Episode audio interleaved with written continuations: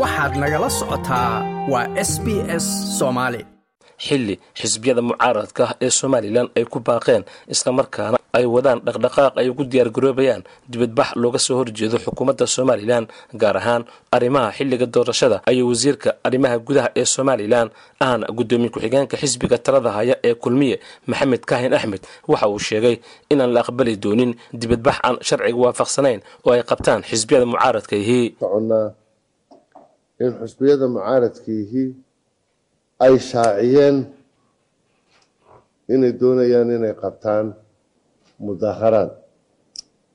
Marka ugu horeysa mudaaharaadkeennu dastuurkeennu waxa uu ogolaanayaa oo ka mid a xuquuqaha aasaasiga ahee dadku ay leeyihiin inay maxaanku idhaahday qofka muwaadinkii inuu xaq u leeyahay in uu waxna doortan lana doorto. Waa laba inuu qofka mudaaharaadka qofka muwaadinkii kay xaq u leeyahay inuu mudaaharaado ama mudaaharaad abaabulo ama ka qeyb galo. Wuxuu dastuurkeenu ogolaanayaa in haddana qaabka mudaaharaadka loo sameynayaa uu noqonayo mid waafaqsan xeerka xeerka horena anigu waan u sheegay. Iminka maantana waan sheegayaa. Waxa weeye xeer kasta oo dalka lagu maamulayo xeer kasta oo maxkamaduhu ay ku dhaqmayaan xeer kasta oo wasaaradaha heer gobol iyo heer degmo iyo heer qaran wax lagu maamulayaa wuxuu ka dheegmayaa dastuurka xeerkan dastuurka ka dheegmay waxaa la yidhahdaa xeerkan koob iyo kontonaad labada kun laba iyo toban. Xeer number fifty one twenty twelve. Xeerkaasi markaa waxa uu qeexayaa xanaanka iyo qaabka loo dhigayo mudaaharaadka wasiirka waxa uu sheegay in xisbiyadu aysan wax wargelina siinin wasaaradda ay qusayso arrintan islamarkaana aysan wax wara ka haynin. Habka mudaaharaadka u dhacayo sidaa darteed aan la aqbali doonin wax mudaaharaad ihi inuu halkaasi ka dhaco. Waxaan doonayaa anigu iminka maanta waxaan u sheegayaa dhammaan amniga ciidamada amniga ee jamhuuriyadda somalilan ee noocyada kala duwan.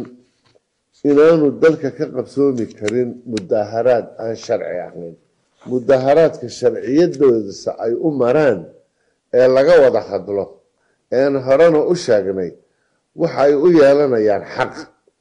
Ciidankuna wuxuu ilaalinayaa iyaga iyo mudaaharaadkooda wasaaraddan may soo weydiisan barasaab may weydiisan guddoomiye degmo may soo weydiisan. Waxaanaanu ka warhaynaa in mudaaharaadkan loo sameynayo si aan salmi ahayn waxaanu ka warhaynaa wax fara badan aan sharciyadda ogolayn in maxaanku dhahday la ururinayo. Waxaan leenahay markaa cidna xaqeeda dastuurigaa loo diidi maayo. Cidna loo ogolayn maayo waxaanay xaq dastuuriga u lahayn anigaan lay ogolaanaynin madaxweyneaan loo ogolaanaynin xusbi mucaarida baan loo ogolaanaynin. Shirarkii iyo wadahadaladii aanu soconnay shirkoodii u dambeeyey bay ku sheegeen inay iyagu ka baxeen oo nagaga baxeen.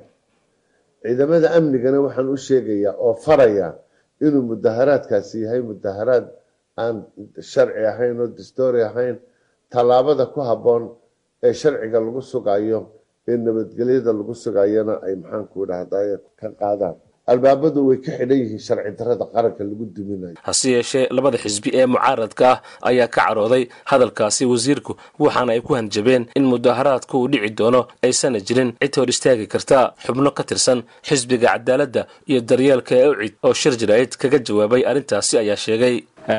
Kolley shirkan jaraa'id wuxuu daaran yahay un wasiirka arrimaha gudaha oo saaka yidhi wax mudaaharaada la qaban maayo maxamed kaahiin horena de waa lagu sheegay mudaaharaadkii hore u baaqday waa loo geeyey in labada xusbi mucaarid ay mudaharaad salmiya ay qabanayaan. Iminkana waan ugu celinaynaa maxamed kaahiin waxaanu leenahay mudaharaadku wuu dhacaya. Cid joojin kartaana ma jirto. Mudaharaadku waa wax distoorkeena inoo ogolo yahay oo distoorku inoo jidaynayo wax distoorka ka baxsanna oo xusbiyada qaranku ay samaynayaanna ma jiraan mudaharaadka salmiga ayay samaynayaan. Wakhtiga hadduu yidhi hore ugu meeraystay maxamed kaahin wakhtigana lama soo sheegin. Xilligana lama garanayo ay qabanayaan. Wakhtiga iyo xilligaba waan iclaaminaynaa waananu sheegaynaa amba degmooyinka hargeysa u yeedh. Amba saraakiisha ciidanka u yeedh. Mudaharaadka cid joojin kartaa ma jirto. Waana wax sharciya oon samayn doono labada xusbi mucaarid amba isbahaysigu guddoomiyaha xisbiga waddani cabdiraxmaan ciro oo ka hadlay arrintaasi ayaa soo hadal qaaday dadaalkii guuldaraystay ee ay wadeen odayaasha dhaqanka culimmada iyo ganacsatada reer somalilan ee ay dhankoodii kalsoonida siiyeen. Hase yeeshee uu diiday madaxweynaha sida uu yidhi isagoona sidoo kale wasiirka arrimaha gudaha ku eedeeyey in uusan ka run sheegin waxa laysku hayo. Waxaa ka warqabtaan bishii lixaad sagaalkeedii waxaa yimi koob iyo soddon ka mid a xubnaha dhaqanka ugu muhiimsan somalilan culimo iyo ganacsato. Waxaana iyagoo dareensan hawsha jirta weydiisteen inay arrintaa dhexdhexaadiyaan erganay yihiin kalsoonina aanu siino. Kumaanaa raagin maynagu qaadan wax ka yar shan iyo toban mirar inaanu siino kalsoonida.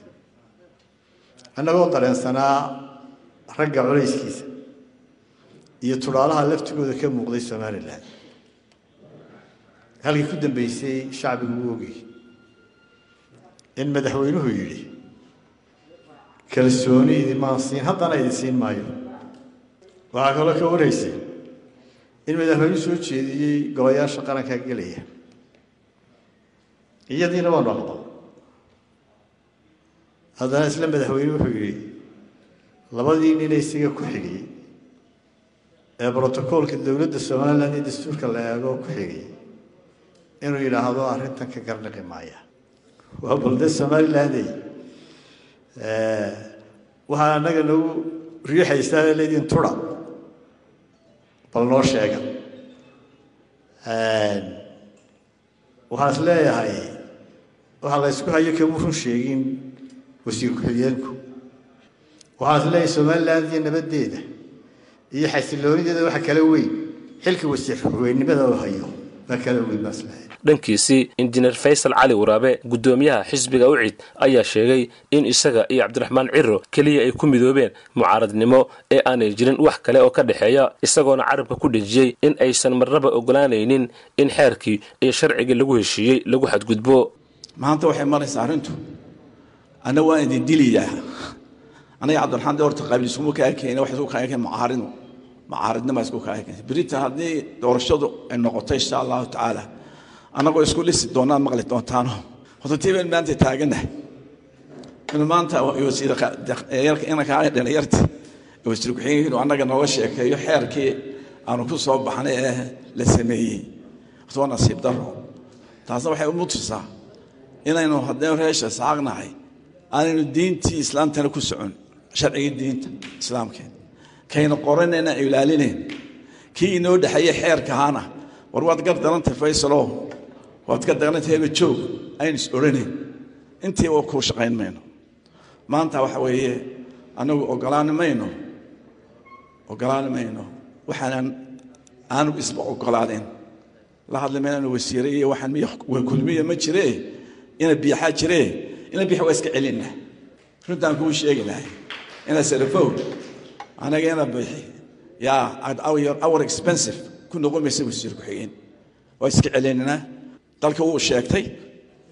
Wuu sheegtay. Annaga wuuna sheegtay. Xeerkii wuu jebiyey distuur wuu jebiyey amba somaliland waxaan qoonaysaa dal la wadaleeyo sharci ku socda. Amba reeraha aynu kala nahay habrahabraha ayaa la kala noqonayaa si kastaba lama oga halka uu saldhigan doono khilaafkani dhinaca doorashada ee ka dhex taagan xukuumadda somalilan iyo xisbiyada mucaaradka ah iyadoo arrintani ay keentay dibadbaxyo ay dhibaatooyin ka dhasheen inay ka dhacaan magaalada hargeysa. Iminkana ay xisbiyada mucaaradku ay ku baaqayaan dibadbaxyo kale oo halkaasi ka dhaca markii lagu guuldaraystay waanwaan xiisada lagu qaboojinayay oo ay wadeen waxgarad soo kala dhex galay labada dhinac hase yeeshee lagu guuldaraystay in arrinta lagu xalliyo. Like aas la wadaag wax ka dheh lana soco barta facebooka ee sb s soomaali